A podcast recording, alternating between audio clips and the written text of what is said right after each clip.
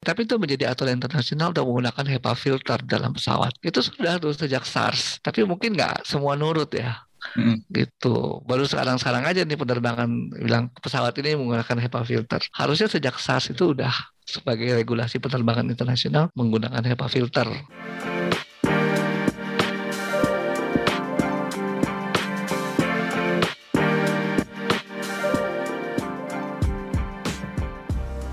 Hai sahabat TCID, kalian sedang mendengarkan podcast Suara Akademia. Ngobrol seru isu terkini bareng akademisi.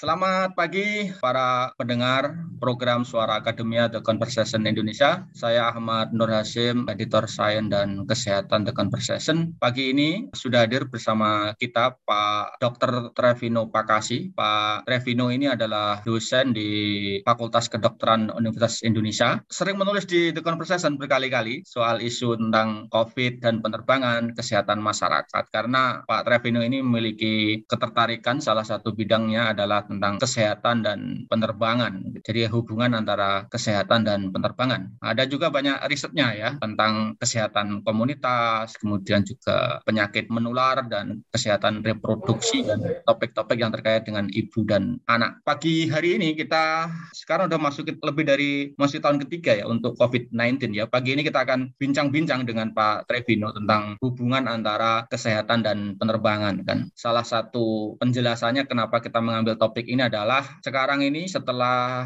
angka vaksinasi semakin meningkat signifikan ya di atas 70 persen baik di Indonesia maupun di negara tangga di Malaysia, di Singapura dan juga di beberapa negara di Asia Timur dan banyak negara lain juga termasuk di Australia mereka melonggarkan penerbangan internasional membuka perbatasan dengan syarat yang tidak begitu ketat. Dulu sebelum Covid kalau kita mau terbang ke Singapura atau ke Malaysia atau negara lain tidak perlu repot-repot ya, ada tes PCR ya kan?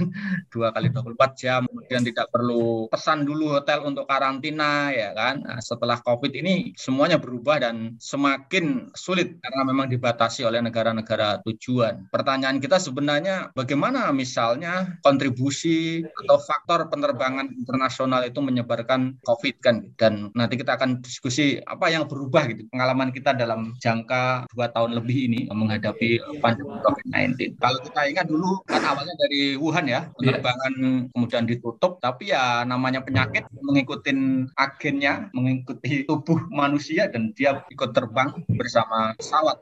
Jadi yang, yang terbang bukan virusnya tapi orangnya. Itu teman-teman. Kita langsung aja Pak Pak Trevino. Pak Trevino, ini yeah. kan sebenarnya kalau dalam konteks ini setelah mungkin Bapak mengamati dan juga melihat perubahan yang cukup signifikan. Perubahan dalam artian penyebaran COVID yang luar biasa hampir semua negara kita. Sebenarnya seberapa besar kontribusi kontribusi penerbangan ini atau perjalanan udara terhadap penyebaran eh, COVID-19? Ya, terima kasih. Kalau ditanya ini kontribusi penerbangan, memang kontribusinya udah yang paling besar nih ya. Karena memang pertama kalau kita dari sifat virus, virusnya ini kan virus yang menginfeksi mamalia. Hmm. Katanya juga dari mamalia itu dari hewan terus jump ke orang dan memang penularan dari orang ke orang ini yang kita nggak bisa hindari. Ya, susah sekali melokalisasi. Lalu kalau dilihat mamalia yang bisa terbang jauh-jauh cuma manusia ya. Dan menyebar nggak ada lagi mamalia lain ya. Kalau bilang kelelawar mamalia terbang paling hmm. jaraknya berapa meter kilometer kali ya. Sampai jauh-jauh. Beda dengan Asian influenza ya.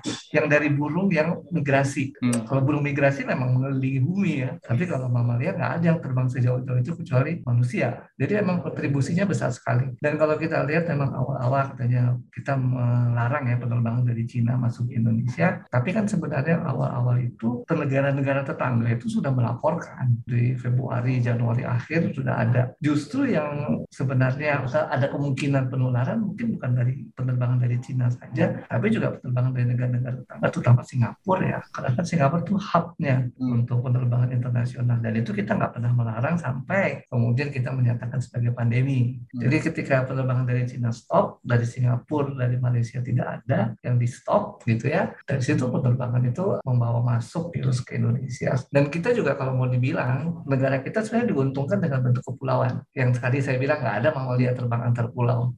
Dan harusnya gampang melokalisir begitu ketahuan. Tapi itu juga dalam tanda kutip kebablasan ya kelewatan sehingga kemudian bisa menyebar ke seluruh Indonesia dengan cepat juga. Bahkan mungkin sebelum kita bilang kita ada COVID, kemungkinan sih itu apa amat ya. Sebelum di, di, di declare oleh pemerintah ya, hmm. ada COVID udah menyebar duluan tuh sebenarnya. Dari Februari, dari Januari akhir, dari banget pastinya. Kontribusinya dari situ. Oke, kalau sekarang kan kalau kita melihat kebijakan yang belakangan ini, katakanlah sebulan terakhir, dua bulan terakhir ini ya, beberapa negara kan saat tingkat vaksinnya udah tinggi ya, baik terutama yang untuk uh, dosis kedua ya bahkan ada juga yang sudah booster dosis ketiga. Negara-negara itu mulai membuka penerbangan. Termasuk yang terakhir kan Idul Fitri kemarin di dalam negeri ya kan tidak ada lagi kewajiban tes PCR dan antigen negatif jika kita uh, naik pesawat uh, sepanjang ya sudah di booster vaksin. dan vaksin yang kedua. kedua.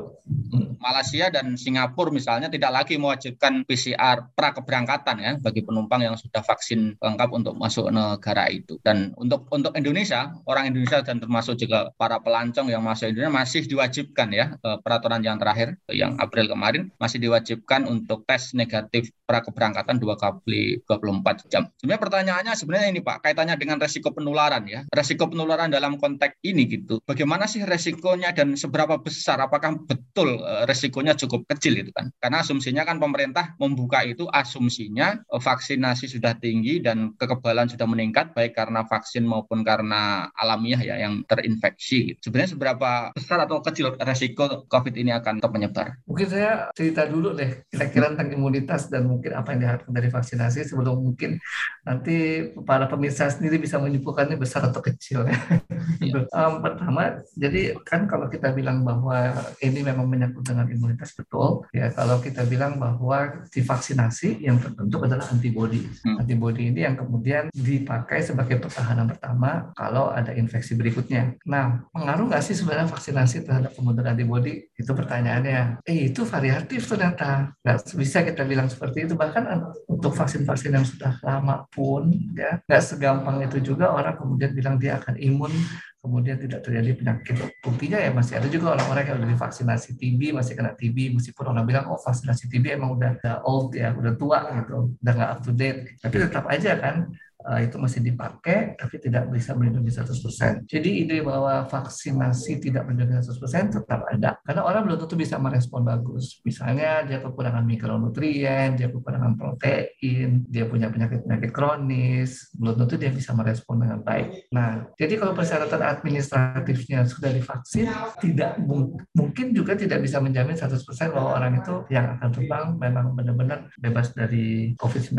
Lalu yang kedua dari sifat vaksinnya sendiri. Vaksinnya ini kan istilahnya baru lah ya, penelitiannya juga belum banyak. Hmm. Sehingga kemudian orang yang sudah divaksin dan kemudian kita bilang punya efek protektif, rasa-rasanya penelitiannya belum cukup dalam ya, belum cukup banyak untuk bilang bahwa divaksin ini bisa efek protektif gitu ya. Itu masih who knows Pak, who knows benar-benar punya efek protektif apa enggak gitu. Sifatnya vaksin ini kan bisa beredar karena emergency, tapi bukan berdasarkan hasil penelitian yang kemudian diamati sekian banyak gitu ya, sekian tahun bahwa oh ya tidak terbentuk. Ketiga yang dilawan ini kan coronavirus yang mutasinya cepat dan kita bisa mengalami sendiri dalam dua tahun pandemi ini juga mutasinya bisa begitu heboh Uh, jadi kan kalau kita mau bilang risiko besar atau kecil satu kita ya. bisa dari vaksinnya sendiri uh, apa namanya uh, belum tentu bisa menginduksi antibodi itu tergantung dari sifat hostnya juga ya si yang disuntik. Yang disuntik ini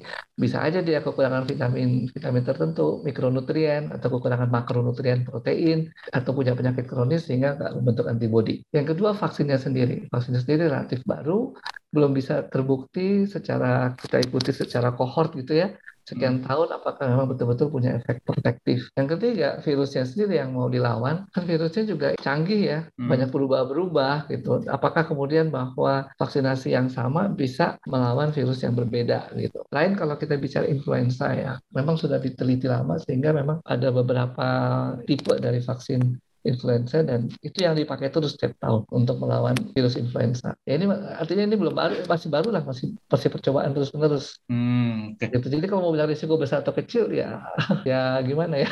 Saya juga bingung lihatnya karena oke okay lah sudah mencapai 70 persen, tapi kan kita nggak tahu respon orang ya. Hmm. Plus virusnya sendiri dikabarkan banyak banyak bermutasi ya. Jadi masih resiko sedang-sedang tinggi kalau menurut saya sih nggak terlalu rendah. Ini artinya kalau dari sisi kebijakan artinya pembukaan perbatasan dan juga ya, penerbangan yang berangsur-angsur mulai meningkat ya karena ini pasti kan tekanan ekonomi ya baik ya. ekonomi yeah. dari industri penerbangan juga ekonomi dari dalam konteks negara ya karena turis yeah. tidak masuk dan juga lalu lintas orang yang untuk bisnis maupun untuk pekerjaan juga terhalang artinya ini sebenarnya kebijakan yang trial and error juga ya Pak ya?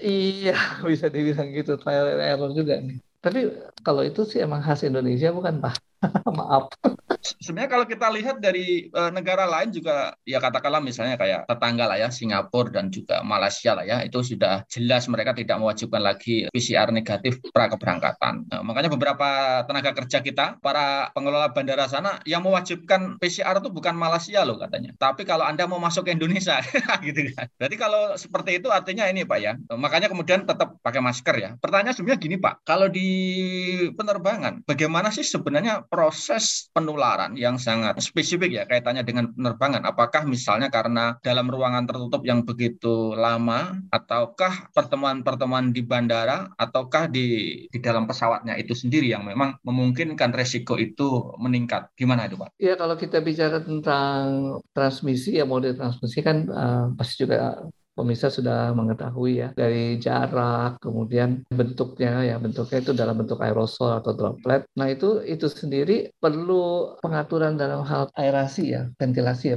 udara gitu. Jadi itu kan dipengaruhi oleh kelembaban, arah angin, kemudian juga kualitas dari udara itu sendiri. Artinya kalau banyak aerosol atau banyak dari uh, droplet dan sebagainya itu akan memudahkan penularan. Dan dari mana sih sebenarnya ya kesempatan itu paling banyak kalau di dalam ruangan tertutup tertutup ketimbang di dalam ruangan yang terbuka. Maksudnya kalau kita bandingkan pesawat ya dibandingkan dengan areanya Soekarno-Hatta Terminal 3 misalnya ya relatif terbuka lah ya dibandingkan dengan di dalam pesawat. Nah kalau sering juga mungkin kalau kita analogikan ya dengan mall-mall di Jakarta yang terbuka tinggi-tinggi kayaknya jarang ya pernah mendengar oh ini klasternya dari mall gitu. Hmm. Klaster tuh biasanya kantor gitu. Pokoknya ruangan yang lebih tertutup ya, kecil. Ya. Jadi nggak nggak nggak dibilang ruangan-ruangan yang besar itu karena aerasinya bagus ya.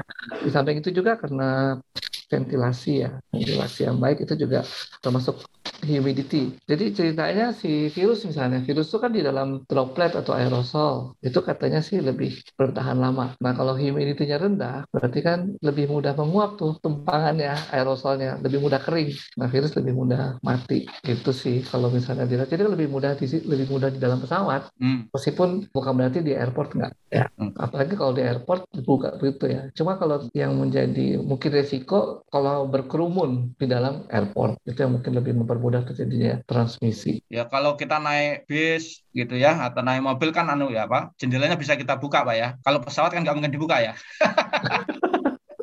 terbang kita. Jadi memang secara ini ya lingkungan di dalam nah, pesawat itu sendiri menjadi apa ya salah satu faktor untuk meningkatkan resiko penularan virus gitu pak. Ya? Iya. Kondisi tertutup dengan kelembapan yang tinggi ya kelembapannya ya. Kalau dalam pesawat ya. sih kayaknya sih relatif ya mungkin sekitar 60-70 persen kali ya. Kan kita juga bagi kalau penerbangan jarak jauh ya sering minum. Ya. Berarti kan hmm. sering kekurangan cairan tuh. Iya, iya. Kan.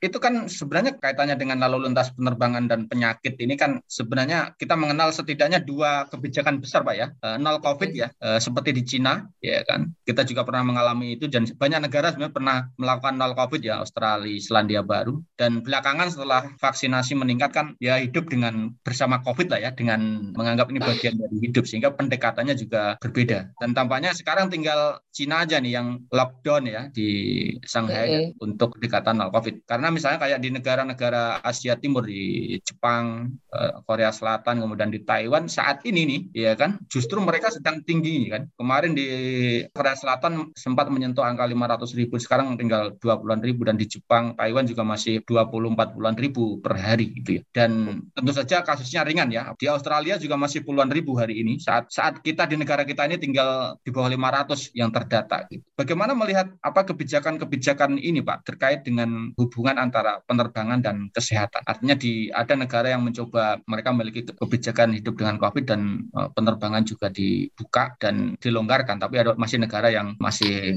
kekeh gitu untuk pendekatan nol COVID. Kalau bilang hubungan internasional sih sebenarnya penting kita mengikuti aturan main ya yang di petunjuk dari WHO. Nah kalau memang ada negara yang membuka kesempatan seluas-luasnya dan ada yang tetap zero COVID, memang kita nggak bisa menghindari karena itu otoritas negara ya masing-masing. Tentu yang uh, kita juga perlu memperhatikan sebenarnya yang penting yang masuk ke negara kita. Jadi uh, yang keluar mungkin dalam tanda kutip nggak harus kita terlalu perhatikan meskipun harusnya ada obligasi itu ya. Nah kalau kita bicara masuk ke Indonesia, sebenarnya kita udah punya sistematika dari dulu sih ya. KKP itu sudah membuat. Jadi sebenarnya kita nggak perlu khawatir berlebihan. Sebenarnya udah dibuat dan yang penting kita disiplin sih ketika KKP itu menjalankan itu. Cuma kartu e-hacknya itu yang kemudian sekarang jadi elektronik ya. Dari dulu udah lama udah ada. Kurang disiplin kali ya kita dan banyak orang juga nggak tahu e-hack itu apa gitu ya. Hmm. Baru sekarang aja tahunya setelah COVID-19.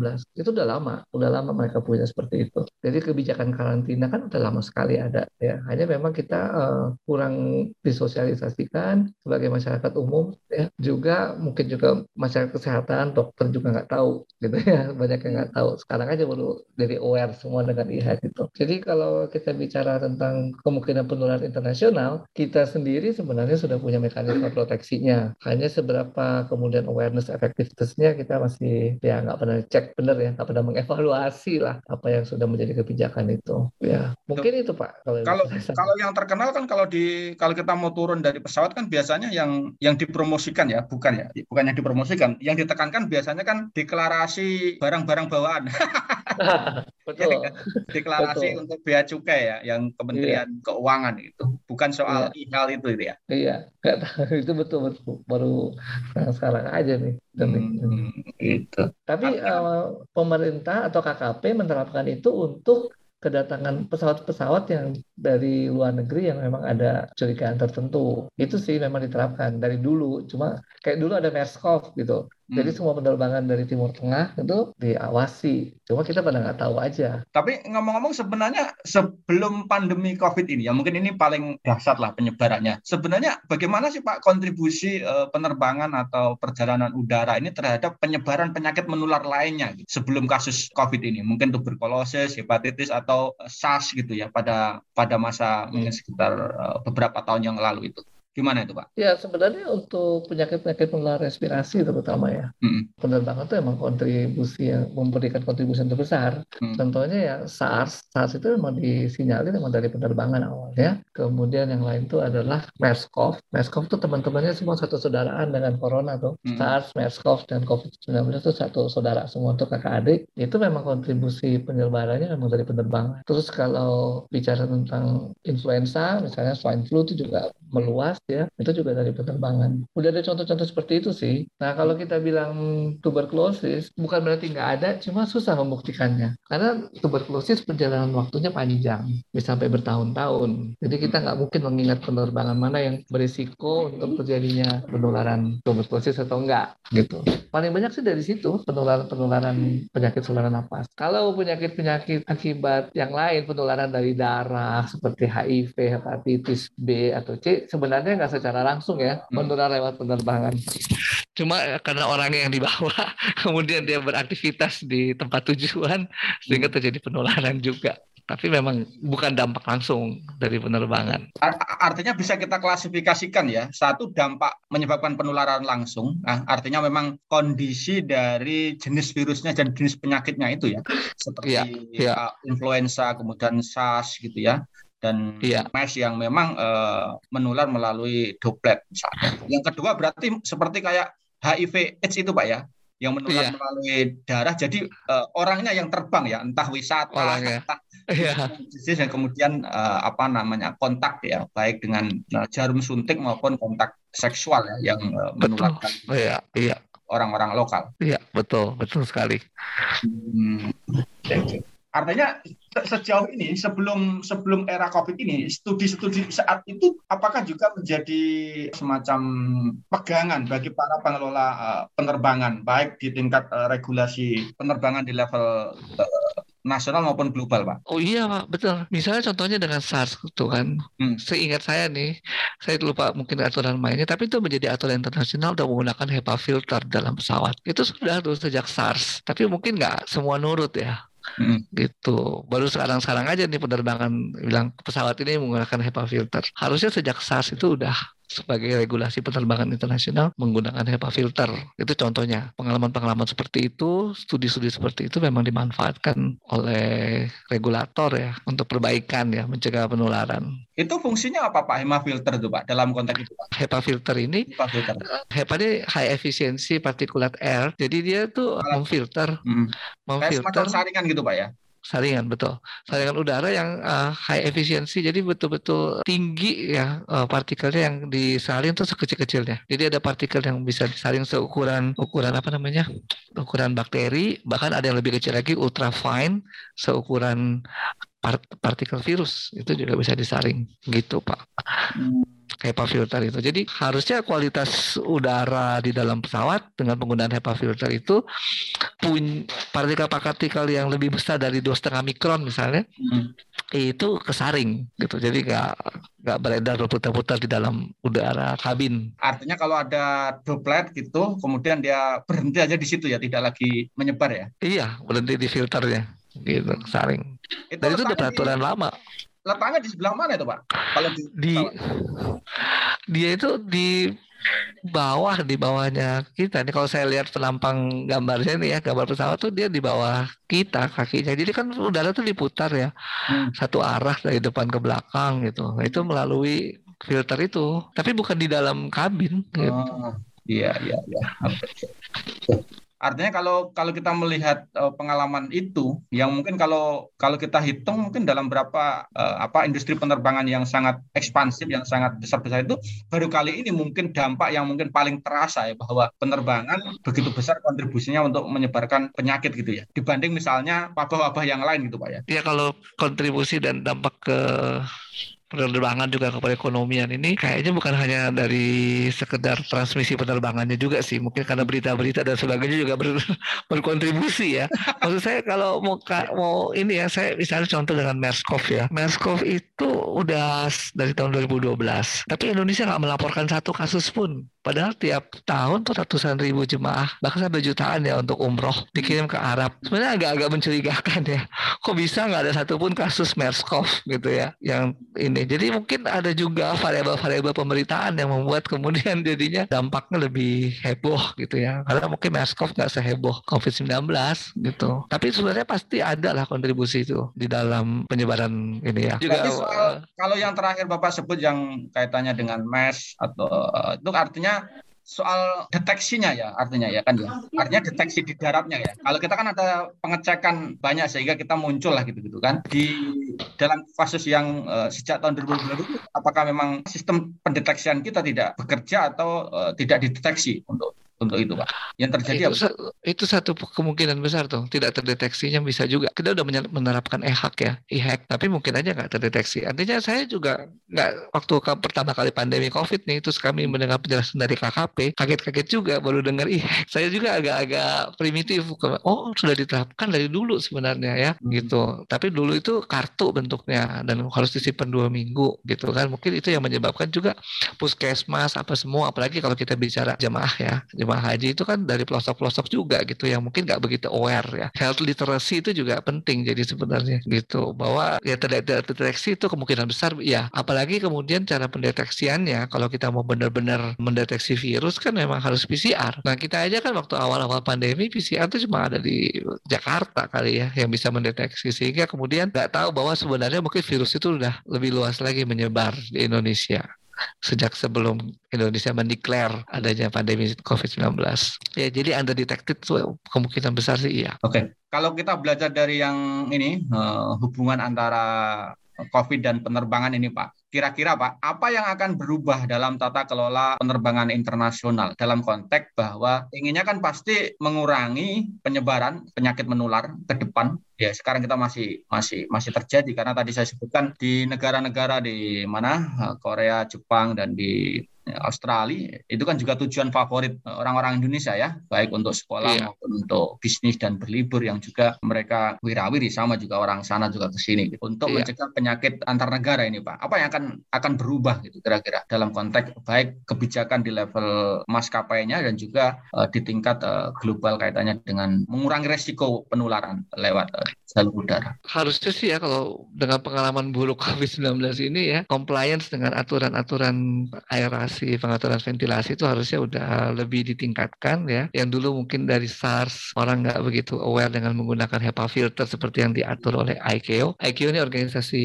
untuk sipil penerbangan sipil internasional. Nah itu mungkin harus lebih aware ya. Jadi uh, itu satu dan kemungkinan seharusnya juga pemerintah Indonesia dengan pengawasan pesawat itu harus lebih aware lagi ya. Kemungkinan itu yang harusnya lebih ditingkatkan. Yang kedua mungkin juga saya pikir uh, seleksi passenger. Saya pikir sih kalau sekarang semua baik masih uh, passenger maupun juga pengelola udah lebih aware dengan masalah kesehatan yang berdampak luas seperti ini sehingga kalau nggak benar-benar perlu dan nggak benar-benar sehat gitu ya mungkin nggak usah terbang gitu ya mungkin itu bisa di bisa dijadikan satu ini juga ya regulasi tapi mungkin juga nggak bisa seperti itu persis ya saklek karena ada juga orang sakit yang perlu terbang ya dan perlu dirujuk. Nah itu mungkin harus juga ada satu regulasi gimana, terutama yang kemudian penyakitnya bisa melalui pernapasan atau penyakitnya memang sangat infeksius itu mungkin juga regulasi-regulasi yang penting untuk diatur ya. Karena memang ada orang yang harus terbang juga meskipun dia sakit ya. Itu yang harus yang mungkin saya perkirakan berubah. Lalu mungkin juga kebijakan di bandara sendiri ya, terutama untuk ya. penerbangan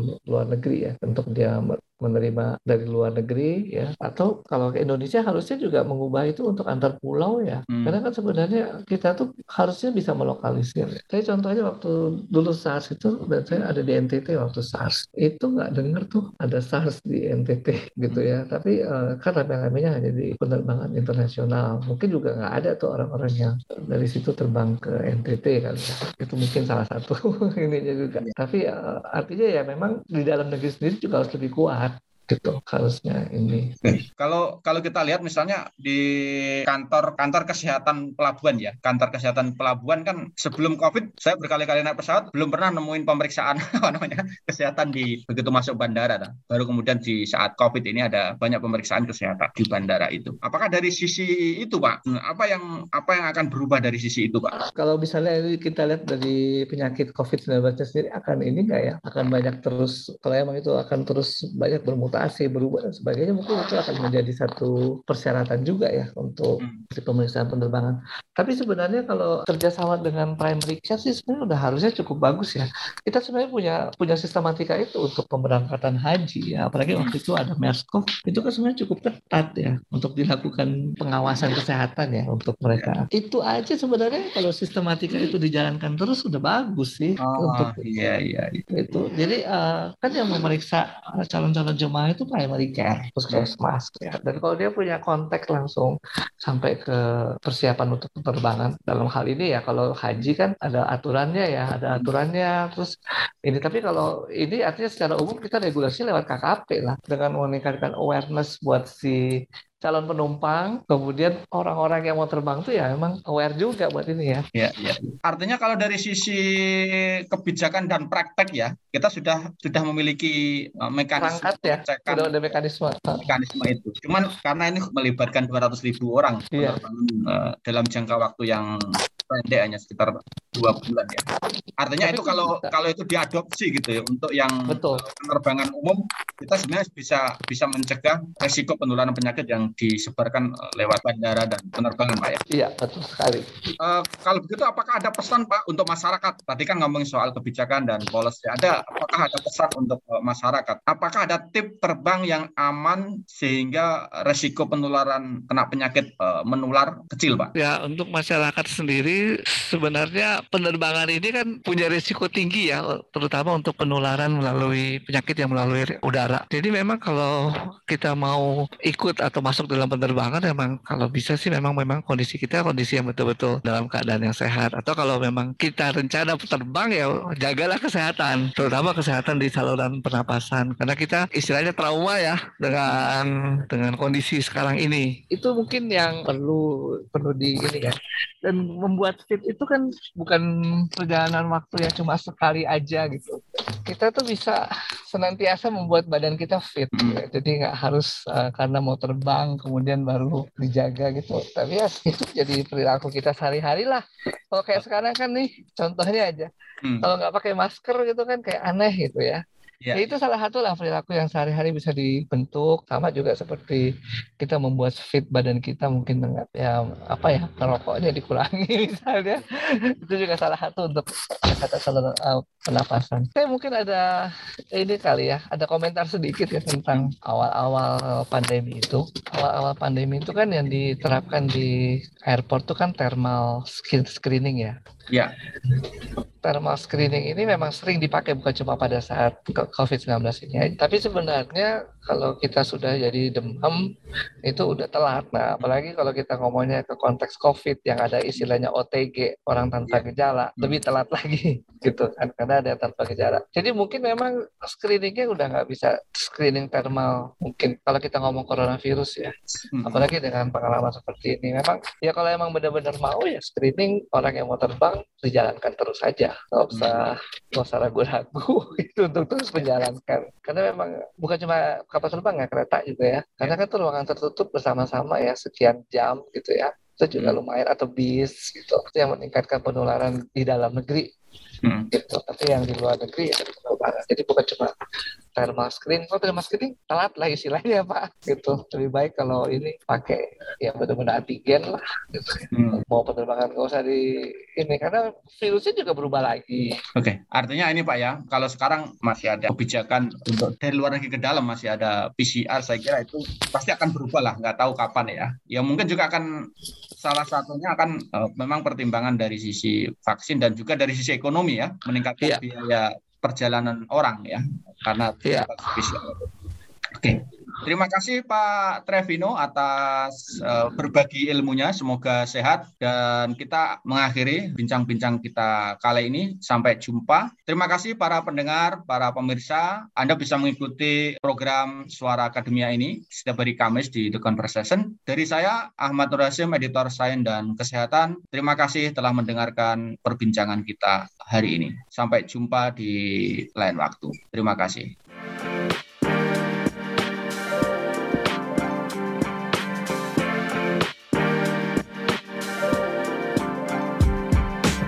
Kalian telah mendengarkan podcast Suara Akademia, ngobrol seru isu terkini bareng akademisi.